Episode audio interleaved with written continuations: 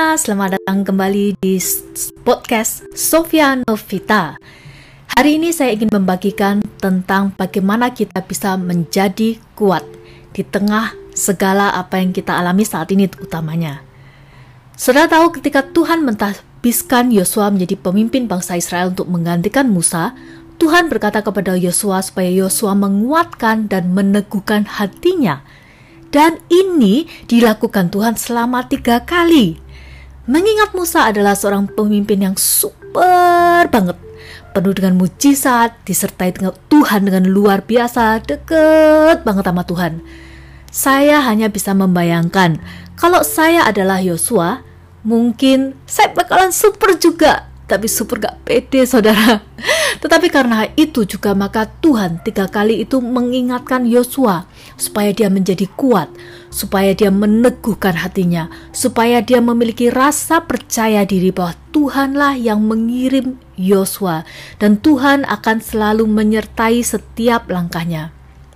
Saudara, kadang kita juga bisa merasa seperti Yosua, gak layak, merasa gak punya super power, tapi bagaimana supaya kita bisa tetap kuat di dalam panggilan kita?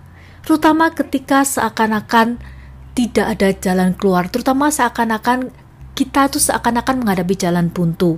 Dan kayaknya persoalan itu lebih besar daripada panggilan kita. Nah, dengan melakukan langkah-langkah berikut, kita bisa menjadi kuat seperti Yosua.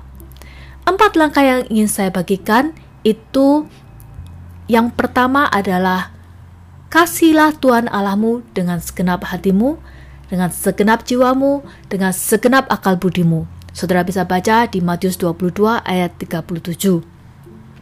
Yang kedua adalah dengan undang hadirat Tuhan setiap saat. Bagaimana caranya? Dengan pujian dan penyembahan, dengan membangun mesbah doa kita setiap hari. Saudara bisa baca juga di dalam Mazmur 27 ayat yang keenam. Yang ketiga, andalkan Tuhan dalam segala perkara. Saudara bisa baca di dalam Amsal 3 ayat yang kelima. Yang keempat adalah tetap setia. Lukas 16 ayat 10 sampai 12. Karena ketika kita setia terhadap perkara yang kecil, maka Tuhan akan mempercayakan kepada kita perkara yang besar. Ketika kita tetap setia, tetap mengasihi Tuhan, tetap mengundang hadirat Tuhan, dan tetap mengandalkan Tuhan dalam segala hal, dan tetap percaya, maka tangan Tuhan itu tidak akan kurang panjang untuk menolong, dan telinga Tuhan tidak kurang tajam untuk mendengar.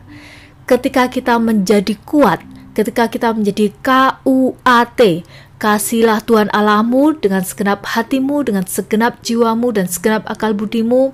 Undang hadirat Tuhan setiap waktu, andalkan Tuhan dalam segala perkara, tetap setia. KUAT, kasih Tuhan, undang hadirat Tuhan, andalkan Tuhan, tetap setia, maka kita akan bisa melakukan panggilan Tuhan di dalam hidup kita, dan kita tidak hanya akan melihat impian kita menjadi nyata dengan memasuki tanah Kanaan, tanah perjanjian, tetapi kita juga bisa memimpin orang lain untuk bisa masuk ke tanah Kanaan, masuk ke dalam impian atau masuk ke dalam panggilan yang sudah Tuhan berikan kepada mereka.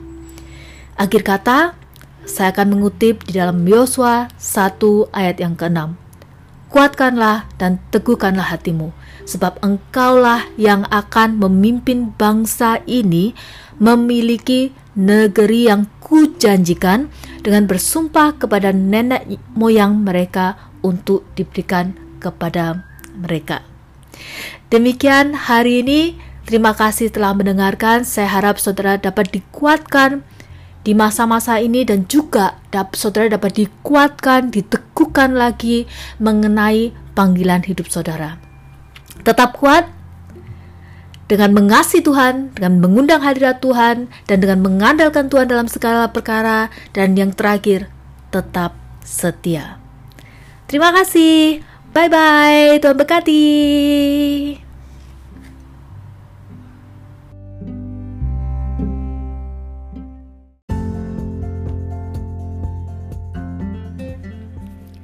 Halo, kembali lagi bersama dengan Sofia Novita dan saat ini kita sudah memasuki tahun 2021. Wow, sangat luar biasa sekali. Dan saya tetap ada di topik bagaimana kita bisa menjadi kuat di dalam Kristus. Hari ini saya ingin membacakan di dalam Matius 6 ayat yang ke-33. Saya yakin banyak dari saudara tahu benar ayat ini karena sering kali dan sering kali firman ini dibacakan. Tapi saya ingin membacakan sekali lagi untuk mempersiapkan kita tetap kuat di dalam memasuki tahun 2021. Matius 6 ayat 33 dikatakan, Tetapi carilah dahulu kerajaan Allah dan kebenarannya, maka semuanya itu akan ditambahkan kepadamu. Dan dikatakan di ayat yang ke-34, Sebab itu janganlah kamu khawatir akan hari besok, karena hari besok mempunyai kesusahannya sendiri kesusahan sehari cukuplah untuk sehari. Jadi dari sini saya ingin menguatkan setiap kita apa pun yang terjadi, mari kita cari dahulu kerajaan Allah dan kebenarannya. Kenapa? Karena Tuhan berjanji ketika kita melakukan itu, ketika kita terus mencari dahulu kerajaan Allah dan kebenarannya, ketika kita tetap mengasihi Tuhan, ketika kita tetap mengundang Tuhan, ketika kita tetap mengandalkan Tuhan dan tetap setia, maka semuanya itu akan ditambahkan kepadamu. Apakah semuanya itu? Semuanya itu adalah apa yang akan kamu makan, apa yang akan kamu minum, dan apa yang akan kamu pakai. Segala sesuatu yang dicari bangsa-bangsa yang tidak mengenal Allah, itu Tuhan akan tambahkan di dalam kehidupan kita. Sekali lagi, selamat tahun baru di tahun 2021. Tetap kuat, dan sampai jumpa lagi di sesi berikutnya. Bye bye, Tuhan memberkati. thank you